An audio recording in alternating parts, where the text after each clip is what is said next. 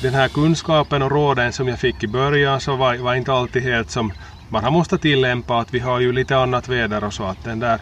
franska kalkonexperten så jag frågade honom att hur gör man till natten med kalkonerna? Så eh, ska man ta in dem i det här väderskyddet som vi har att, att hu, hu, så sa, sa han jo ta in dem i väderskyddet att ja men hur gör jag? Och han sa att no, men det är ju bara att tänd lampan i väderskyddet så kommer det ju dit